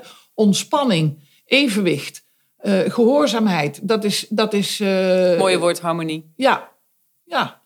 En als je dat beoordeelt, en natuurlijk moet dat steeds een klein beetje eh, eh, eh, gedisciplineerder worden, dan denk ik dat je het goed doet. Alleen als je dus met drie, of ja, dat doe je al niet, maar als je met vierjarige paarden proeven rijdt, bij A afwenden en, en, en, en middenlijnen rijdt en zo, dan nodig je mensen uit om die onderdelen te veel te oefenen. En, en dat zou kunnen dat je dan op een gegeven moment uh, de, de ontwikkeling, uh, zeg maar, op de achtergrond uh, stelt voor het foutloos door de ja, figuren Dat de oefening voor ja, de dat, waarde dat, eigenlijk komt. Dat, dat vind ik niet, niet prettig. Dat het kunstjes worden. Dat het, ja, ja, want daar kun je ze ook leren. Je kunt ze alles leren. Kan, ja, je kan ze alles leren. Maar hun lichaam gebruiken maar, is iets anders. Ja, en dat, en dat je dus echt ontspanning uh, en ook door het lijf heen, dat je dat dus, ja, wat is harmonie, maar dat je dus echt kunt zien. En dat is, dat is wel moeilijk om te zien. Paarden door hun, hun lichaam heen, met vooral ruggebruik op de goede manier, dat is best wel, dat kunnen we makkelijk zeggen. Maar er zijn nog niet zoveel mensen die dat ten eerste kunnen, kunnen doen maar ook niet kunnen zien. Ja. En dat is wel, uh, denk ik... wel een mooie, wat je zegt, kunnen doen. Want als we dan kijken dat we elke keer... Nou, in de fokkerij zetten we stappen. Ik denk dat we best heel veel hele fijne uh, paarden hebben met elkaar. Hebben we nog genoeg jonge opleiders voor die jonge paarden? Ik, ik weet het niet. Ik weet niet hoeveel er zijn. Maar uh, je zou wel zeggen dat, dat er dus... ik vind het wel belangrijk als ik hier op stal kijk... dat er wat, wat meer jonge mensen wat ik zie, die dus zeg maar in de jeugdsport succesvol zijn, dat die te vroeg voor zichzelf beginnen. Op, op, op alle fronten, denk ik hoor. Ik weet, ik weet niet zeker, maar uh, ik heb zo'n beetje het gevoel, weet je, het zou ook handig zijn dat ze boekhoudcursussen hebben, dat wanneer ze beginnen, als ze 17 zijn, dan zeg ik begin nu voor mezelf. Maar dat ze ook een klein beetje weten wel hoe de boekhouding in elkaar zit, want dat neemt ook een heleboel zorgen weg. Vroeger was daar de masterclass voor. Dan kon je dat in Deurne nog leren. Ja, maar dat is wel een dingetje, denk ik. Want dat is toch stress die, die, die ze erbij krijgen als ze besluiten voor zichzelf te ja. Maar eh, ik denk dat het heel belangrijk zou zijn dat... Uh, kijk, daarom is het goed dat onder 25 is gekomen. Dat, uh, dat dus die leeftijdscategorie weet dat, dat je dus dat niveau moet halen... voordat je echt ruiter bent. Want dan kom je er pas achter hoe moeilijk het vak is. Ik zeg altijd van, van, van B naar Prix Georges is, is misschien nog een kortere weg als van Prix Saint-Georges ja, naar Grand Prix. Het. Ja, van Inter 2 naar Grand Prix nog. Ik vond het vreselijk wat een stap. Ja. Niet normaal. En dat is dus wat, wat uh, jonge mensen eigenlijk uh, moeten leren onder leiding van, van uh, vo, ja, zeg maar volleerde trainers die, die dat vak goed kennen om, om die hele tour te doen. Dat ze, dat ze echt zeg maar, de tijd en ook, ook het geld steken in hun opleiding zoals ze dat zouden doen als ze naar de universiteit zouden gaan. Want als je naar de universiteit wil, dan moet je ook een professor opzoeken. Dan moet je ook zoveel geld betalen om... Een kamer om, om huren vijf, en noem maar precies. op. Precies. Ja. En als je dat, dit vak zo goed wil leren, en dan, dan ben ik ervan overtuigd dat er een toekomst ligt voor deze mensen. Want uh, de, de, de, buitenlanders die hier nu rondlopen, die kunnen dat zelf uh, zeker niet.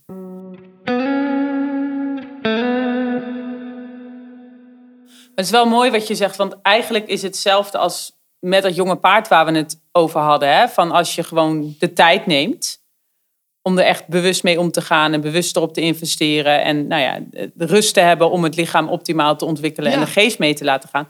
Dan kan je daar komen. En hetzelfde zeg je nu eigenlijk ook over die ruiters. Ja. Gunnen ze zichzelf nog die tijd? Nee, dat denk ik niet. Maar misschien heb ik ook gelijk en dat zal dan over een paar jaar blijken. Want dat zijn ze er wel. Maar weet je, ik weet ook niet, en, en jij hebt Deurne meegemaakt, eh, er zijn toch wel veel mensen die uh, met weemoed terugdenken naar die tijd. En uh, dat je dus, en dat is ook in het onderwijs nu een, een, modern ding. Je mag niet meer selecteren. En, en dat is natuurlijk toch wel jammer dat, dat je dus niet de betere bij elkaar kunt vegen en dan die, die, die opleiding wel helemaal af kunt laten maken. Zodat je dus echt, ja, dat, dat, die hele opleiding duurt gewoon echt lang en dat ze die ook echt helemaal in hun ruggenmerg hebben zitten. Ja, en als je dat samen doet, dan is het sowieso natuurlijk makkelijker vormgeven, maar dan heb je ook nog een beetje houvast aan elkaar. Want als je het alleen moet doen, doe je het maar alleen. Je kunt niks alleen in deze wereld, in deze sport. Omdat je dus, uh, en dat vind ik ook in, in coaching en training. Kijk ook naar andere sporten. Dus je moet buiten de deur ook nog willen leren. Dus dan gaat daar ook veel tijd in zitten. Ja. Als je dat allemaal heel goed wil doen. Maar dat betaalt zich volgens mij later ook echt wel uit. Maar nou zit er straks zo'n jonge ruiter of Amazone hiernaar te luisteren. En die zegt, maar wat moet ik dan doen? Hoe moet ik zorgen dat ik dat goed vormgeef? Er is geen deur meer, dus daar kan ik niet naartoe. Nee, maar dat is een probleem. Dat is een probleem. Dat kan ik voor hun ook niet oplossen. En dan zou ik wel denken, weet je... Nog een gebouw ernaast, Tineke. Begin je school. Nee, nee, nee, nee, absoluut niet. Nee, want je hoeft, je hoeft er geen honderd op te zetten. Maar je, je, zou, je zou wel, uh, zeg maar op stallen als hier, dat, dat mensen dus ook als ze een, een uh, ja, weet je, working students vroeger, die betaalden ervoor om te leren. Ja. Maar nou moeten ze betaald worden, ze moeten om vijf uur klaar zijn. Ze, mag, ze willen maar uh, vijf dagen in de week werken. En ja, dat, dat komt daar ook wel bij kijken, denk ik, dat, dat die mentaliteit. en dat is niet per se alleen in ons vak natuurlijk, hè. Hoewel ik wel vind, net als met, met de boeren en, en, en ons vak, ja, je hebt 24-7 heb je dienst eigenlijk. Ja, het houdt nooit op. Het houdt nooit op. Nee, het is je leven. En, en dat is wel een moeilijk ding. En dat kun, je op, dat kun je in een opleiding niet leren. Maar eigenlijk zou je boodschap zijn naar de jonge mensen: investeer in jezelf. Ja. Ook als het moeilijk is, maar. Zoals je het zegt. Ja. Zoals je het zegt. En, en wat is dan investeren in jezelf? Als je, als je dus uh, de, het geld er niet voor over hebt, of weet ik veel, maar dat je dus uh, vroeger kwam iemand dan op stal en dan had er een paard bij en dan deze dat voor vier, vijf jaar. En dan had het paard wat geleerd. En die persoon had wat geleerd. Hè, ja. ja. Maar dat, dat, dat brengen ze denk ik toch niet op. En, en, en ook wel een beetje omdat je nu ook weer uh, professionele grooms. Dat is, dat is een goede ontwikkeling natuurlijk. Die, die, dat je dus grooms hebt die opgeleid zijn of die, die echt professioneel groom zijn. En gewoon een goed salaris verdienen. Ja. Letterlijk verdienen. Ja. Omdat ze goed zijn. En die, die grooms die je dan op stal hebt, dat zijn geen working students meer. Dus dan is het ook wel ingewikkeld om hier, als ik dus uh, klanten heb die paarden bij ons in training zetten. En je wil wel een bepaald om dan niveau. Een leerling, ja, om er Ja. dan een leerling op te zetten. Ja. En dat, dat is allemaal, het is wel ingewikkeld. Dus eh, ja. Maar ze, ze, moeten, ze moeten het zelf in ieder geval echt wel heel graag willen. Ja. En niet te En snel dan- denken dat je er bent. Nee. Even heel flauw gezegd misschien. Ja. Als we kijken naar ehm, dan cijfers, hè, dan zien we dat vanuit een Pavo Cup of vanuit de jonge paardencircuit best wel heel veel paarden doorstromen. Nou, we, hè, we noemden net het lijstje al. Dan zijn er toch wel paarden die je weer terug hebt gezien in de internationale ring. Wat voor kwaliteit heb je nou nodig om daar te komen? Want eigenlijk heb je net tussen neus en lippen door een beetje gezegd van nou, als je maar de tijd neemt en goed luistert en het mentale en het lichamelijke gedeelte traint, kunnen ze er allemaal komen. Is dat echt zo? Eh, jij bedoelt in de Grand Prix? Ja? Nee. Nee, in de Grand Prix kunnen ze niet allemaal komen. Wat ik wel zeg, in de Prix Saint-Georges kunnen ze allemaal komen. Ja. En, en eh, niet alleen omdat die stap zo groot is, maar ook omdat je voor Piaf en Passage talent nodig hebt. Dat is iets waar je, als je, als je, als je een paard geen talent heeft voor Piaf, dan kun je ze ook met een trucje, want dat zien we natuurlijk tegenwoordig ook in, in vrijheidsdressuur. Daar, eh, daar, daar, daar eh, eh, ja, hoe moet ik zeggen, excuseer le maar daar huppelen ook fjorden in een soort van passage rond. Dus je kunt ze alles leren. Ja. Maar als je passage piaf door het lichaam heen getraind, mooie overgangen wil rijden, harmonisch, Zoals het regelmatig. omschreven staat in het reglement. Dan heb je talent nodig. Maar dan zul je ook, hè, wil je dan die hele goede paarden, en dat gebeurt tegenwoordig al, want je moet wel echt van goede huizen komen met je paard, wil je dus eh, vooraan eh, in- de medailles eindigen, hè, individueel. Dus eh, dan heb je echt wel talent nodig. Maar je kunt tot Prix Saint-Georges kun je ze allemaal leren. En als je nou zegt die stap naar die Grand Prix, waar je echt dat stukje Piaf Passage nodig hebt, is dat iets wat je bij een jong paard al kan testen? Kunnen we dat al boven laten drijven? Of is dat gewoon iets wat echt door het werk en door de kracht en de ervaring ontstaat? Ja, maar ja, je zou het denk ik wel. eh, eh, ik, ik zou het zien, denk ik, als ik eh, bij de Pavel Cup weer kom kijken. Maar dan moeten we nog zes jaar wachten of, ze- of vijf jaar voordat ze er lopen, hè, de Grand Dat, Prix. dat, dat is het eh, probleem. Alleen. eh, Maar als je kijkt naar jullie Grand Prix paarden en hoe die als jong paard waren, zit daar een rode lijn in? ehm, nee. Als Honoré Grand Prix paard wordt, is dat ook een product van arbeid. Want ik had gedacht dat hij niet zou gaan piaferen. En hij doet het wel. Hij gaat het wel doen. Wel mooi als ze je blijven verbazen. Ja. Maar een andere vraag is: van waarom moeten alle paarden die Pavel Cup lopen Grand Prix paarden worden? Nou, dat hoeft van mij niet. Maar uiteindelijk probeer je natuurlijk met een, een aanleg te gaan inschatten wat de aanleg is voor je uiteindelijke doel, wat topsport is. Ja, maar Kijk, je beoordeelt wat je op dat, dat- moment ziet. Laten we dat voorop stellen. natuurlijk intern ook al vaak genoeg gesteld, denk ik. Toch? Om te denken, waarom, waarom willen jullie allemaal topsportpaarden? Want er zijn zoveel andere mensen die paardrijden en genieten zoals ik van paardrijden. Ik hoef toch de Grand Prix ring niet meer in. heb je En- wel met heel veel plezier gedaan. Dus je weet wel wat het is. En dan zoek je dat wel weer in een paard. Maar als je, als je dus, eh, net wat je zegt, hè, net als ik nou met Honoré en Imke verder gaat met Honoré om het te doen. Natuurlijk, wij zijn sporters. Maar, maar de, het plezier van, van het fijn paardrijden, ook, ook in het lichte toer, als, dat, als het mooi is en je wil, je wil die Ja. harmonie, zoals we, hè, wat we nu in zeggen, waarom, hè, want we, het, het is prachtig zoals wij in Nederland eh, de top van de lichte toer hebben. Hoe goed wordt daar niet gereden? Daar kun je toch ook een, een, een eh, belangrijke waarde Ja. aan hechten. Waarom moet... moet eh, want ik weet niet hoe je die mentaliteit kunt veranderen... maar daar rijden dus een aantal mensen Grand Prix... Hè, die dus zeggen, ik ben Grand Prix-ruiter... en die hebben dan 62% gehaald. Maar heb je dan het paard plezier gedaan? Hebben die mensen plezier gehad? Is dat alleen om te kunnen zeggen dat ze Grand Prix-level hebben gehaald? En dan vraag ik mij wel af, want als je nou de, de, het, gevoel van eh, een paard fijn ontwikkelen, en dan is de kans groter. Nu, nu praat ik dus niet als, als eh, fokker, maar vooral als coach. Want als, ik, als ik coach, ga ik eh, eh, niet voor een resultaatdoel, maar dan ga ik voor het procesdoel. Ja. Maar zouden die mensen met die 62 in de Grand Prix, want ik ben er denk ik één van, ehm, niet het procesdoel hebben gehaald? Dat kan, maar dat, die vraag moet je je dan stellen. Ja. En als je dat gedaan hebt en je kunt dat positief beantwoorden, dan is het oké. Maar daarom is het eh, als, als jonge paardenfokkerij en Pavo Cup... is het dan zo noodzakelijk dat je moet kunnen beoordelen... of een paard gaat piaferen, ja of nee? Ik denk dat je dat daar ook niet beoordeelt. Ik denk Nee. dat je daar uiteindelijk naar de basiskwaliteiten kijkt. En, en ehm, waar we natuurlijk de laatste jaren echt met elkaar een stap in gezet hebben en nog steeds moeten blijven zetten, is dat stuk harmonie. Ja, Van hoe uiteindelijk gaat dat paard, of is dat paard opgeleid, gaat die ruiter met dat paard om? Want laten we heel eerlijk zijn, je komt ook in de lichte toer, of we het nou wel of niet over Grand Prix gaan hebben, je komt niet meer weg met een paard dat gespannen is of spanning heeft of Ja. kort in de hals wordt of de rug iets wegdrukt.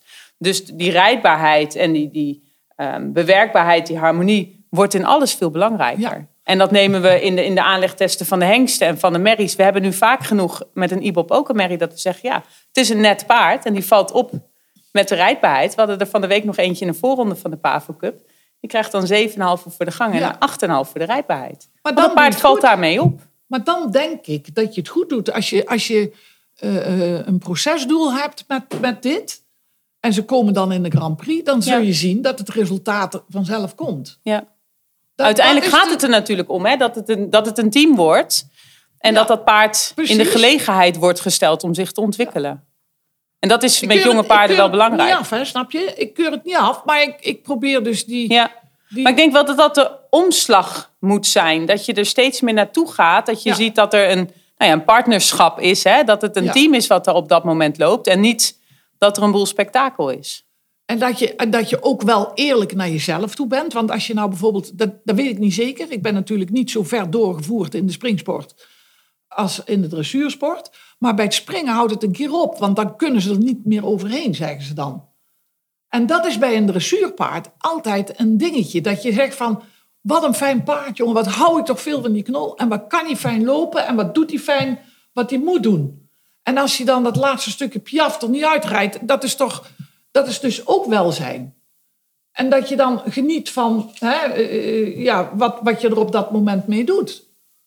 Dus Maar dat is uiteindelijk, vind ik, het belangrijkste wat je naar je paard toe Ja. altijd moet blijven Ja. Maar dat is moeilijker in de dressuur om dat moment te bepalen als in het springen. Ja. Denk ik. Want Ja. in het springen kun je dus ook... De, de, de, Ja, als je elke keer met twee palen of met drie palen eruit komt, dan weet je eigenlijk al Dan genoeg. ga je toch niet meer? Nee. En, en eh, dan eh, kun je wel, eh, als je 1,50 eh niet, meer, niet meer kan, dan ga je toch 1,40 rijden? Dan kun je ook winnen. Ja.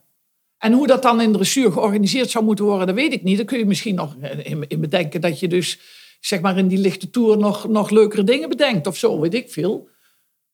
Er zijn, er zijn nog wel leuke dingen te bedenken met, uh, met, met paarden die, die niet kunnen passageren of uh, niet kunnen pierveren. Want passagieren, als je daar geen talent voor hebt, is echt niet zo leuk hoor. ja. ja, maar ik vind het wel een essentieel iets, want we hadden het er al heel eventjes kort over. Hè? Hoe zorgen we ervoor dat we nou ja, over tien jaar nog met elkaar aan het paardrijden zijn? Maar dit nou. is daar wel een onderdeel van. Dat bedoel ik, dat denk ik wel. Wel met elkaar heel eerlijk zijn naar nummer één jezelf en je eigen kunnen, maar ook naar het maximale van je paard. op zijn minst af. Ja. is het noodzakelijk dat als jullie die jonge paardenproeven doen, dat je kunt zien of die later gaat piaferen of niet? Ik denk, weet je, het commerciële, dat zou, ik weet niet hoe, maar wel een klein beetje minder mogen. Dat het niet om geld gaat, dat weten we allemaal. Dat het uiteindelijk om geld gaat, is het overal. Want als we het niet hebben, kunnen we niet, kunnen we niet bestaan. Dat is simpel zat. Maar dat echt het belang van het paard voorop blijft staan. En dan heb ik het weer over het resultaat of het proces. En dan, uh, dan, dan doen we het goed als we daar gewoon bewust mee bezig zijn. Dan ben je al anders bezig als dat je zegt van... Uh, als je het aan een leek kan uitleggen, ja. ben je al een heel eind. Dat denk ik wel, want we, we, doen het nog niet zo stom hoor. We zijn nog niet zo slecht bezig. Alleen, uh, ja, de uitwassen moeten eruit, maar daar zijn we ook verantwoordelijk voor. Maar ik ben best wel trots op, op alles wat we doen en, en blij met onze paarden die we hebben. Het enige weet ik niet, maar dat is ook een vraag aan, aan jou als KWPN. Eh, hoe is het gesteld met de topsportinstelling in jullie ogen van, een paar, van de paarden die je fokt? Dat ik uh, bij het springen heb je dus uh, graag een paard wat, wat, wat wijs is en meedenkt. Is dat een aspect waarvan je bij een dressuurpaard zegt van nou, een, paard, een dressuurpaard hoeft niet mee te denken, want wij willen eigenlijk dat hij dat hij doet wat wij willen en niet wat hij zelf wil. Maar, maar als, als, als jij een paard uh, uh, met een bepaald karakter fokt, uh, zit daar lijn in bij het KWPN nu? Dat je wijze paarden en... en nou, je wil gewoon, je wil sowieso... Zijn scherp. Dat is... Ja, um, ik denk wel dat we steeds meer er naartoe gaan dat die scherpte wel echt... Ja, ik zeg altijd een aan- en uitknop, hè, maar dat je daar wat mee kan. Dus dat je wel paarden krijgt die ook beter kunnen afvloeien. Die niet maar blijven gaan en eigenlijk opstapelen. En dat het dan met spanning tot uiting komt. Um, maar het is wel belangrijk dat je een intelligent paard hebt. Ja. En intelligentie kan in de jonge jaren van een paard best nog een beetje ingewikkeld zijn. Ja, precies. Want dat zijn niet altijd ah, de makkelijkste paarden. Dat is jazz misschien wel een voor, nou ja, bedoel, Als je over karakter begint, hoeveel ik wil niet aan mensen moet uitleggen hoe je bijvoorbeeld met een jazz om moet gaan. Ja, maar jij kan het ons vertellen. Was hij, heel, was hij, was hij gemeen? Wat, wat, wat nee, was... nee, nee, absoluut niet. En dat is dus wat hij mij ook absoluut geleerd heeft. Dat wanneer je dus positief met die, met die gegevens omgaat, dat hij nooit uh, uh, uh, lelijk is geworden naar mij. Maar omschrijf voor mij eens, hoe, hoe was hij? Ja, hij, hij had echt een, een eigen mening. En hij was super snel. En spooky was hij natuurlijk. En, uh, maar, maar niet beledigd of iets dergelijks. En, en, en erg snel afgeleid. Maar dat, heeft, dat kan ik natuurlijk niet beoordelen als die ruim was geweest of dat anders was geweest. Maar ik denk wel dat hij eigenschappen had die, die je op een positieve manier uh, uh, moest begeleiden. Dus als hij een hoek niet in wilde, dan moet je niet zeggen: Godverdomme, ik gaat de hoek niet in en ik ga vandaag niet naar bed voordat hij de hoek is ingegaan. Want dan krijg je er de dus... hele tijd op. Nee, dan was het de volgende dag erger. Oh, was het nog erger, oké. Maar wat ik wil zeggen is dat je dus, hè, zeg maar, door actiedruk, reactie en beloning. Dus als ik als jazz ergens niet langs wilde, nou, dan, dan, moest hij maar even kijken. Dan ging ik daar staan, of dan uh, ging ik voor staan, of er langs staan. En dan ging ik iedere keer stapje voor stapje dichterbij. En iedere keer toch weer, als je een stapje zit, braaf. En uiteindelijk, na drie keer, ging hij wel de hoek in. Ja. En dat wist ik ook niet meteen hoor, de eerste. Want ik kan me heel goed herinneren dat ik de eerste competitiewedstrijd, de hengstencompetitie, in Weert. Ik kwam ongeveer alleen maar op de middenlijn. Ik kon een beetje uh, 5, 6, 7 meter van de middenlijn naar rechts en 5, 6, 7 meter op de middenlijn naar links. Kon je net wijken. Met, met, met alle stress en druk van, van alle eigenaren en concurrenten en weet ik wat. Dus dat was, dat was niet zo simpel. Maar wat ik later wel heb uh, ervaren, is dat dus heel veel mensen die een kind van jazz hadden, daar wel te druk achterin gejaagd hebben. En die, er zijn agressieve jazzen, maar die zijn niet agressief geboren. Dus de, de, jazz, die, de, de kinderen van jazz die agressief zijn geworden, die zijn het gemaakt. Ik zeg altijd, je moet het ze uitleggen, maar niet domineren. Ja, je moet het ze uitleggen. Ja. Ja. En dan Maar dat is wel, ook, dat is ook en wel wachten, hè, wachten totdat hij relaxt. Ja. En totdat je kunt zeggen, braaf, goed zo jongen, dat wou ik nou hebben. Ja. Dat doe je goed. En dat bouw je op. En daar bouw je steeds weer opnieuw op. En, en dan heb ik wel, en, en ik denk ook dat Nico hem daarom bij ons heeft gebracht. Want toen was ik al eh, eind 40. En toen, eh, eh, dat ik dus wel het geduld heb. Ik, ik, heb ik, nog, ik heb hier eindeloos geduld. In dat opzicht. Ja. En daar heb ik nog steeds, en daar, daar, daar, echt, daar, word ik, daar krijg ik zelf kippenvel van. Als, als paarden die ik zo opgeleid heb en ook duidelijk laten zien dat ze doen wat ik bedoeld heb. Dat ze snappen wat ik, wat ik ze geleerd heb, of, of, of de leerlingen daarvan. Die komen zelden teleurgesteld de ring uit. Want, want tot nog toe doen de paarden die, die eh, eh, geleerd hebben op de manier zoals ik ze dat heb bijgebracht, in de ring hetzelfde als thuis. Ja. Of zelfs beter.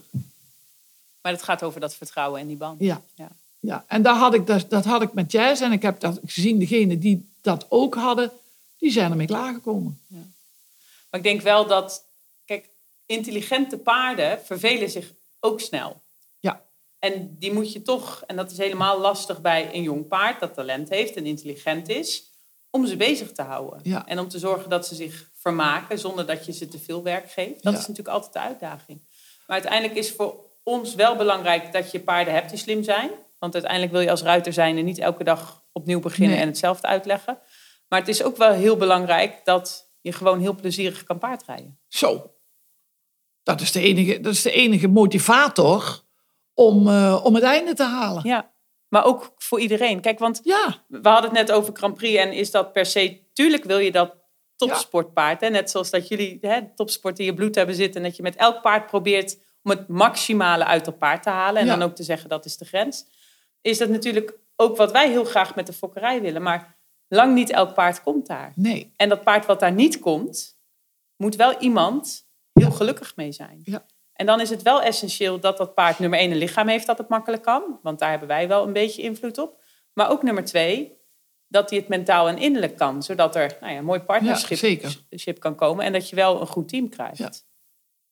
Dus ja, die mentale factor is ook, ook, ook eh, heel belangrijk hoor. Dat ze dus want, want uiteindelijk, en daar doen we ook alles aan.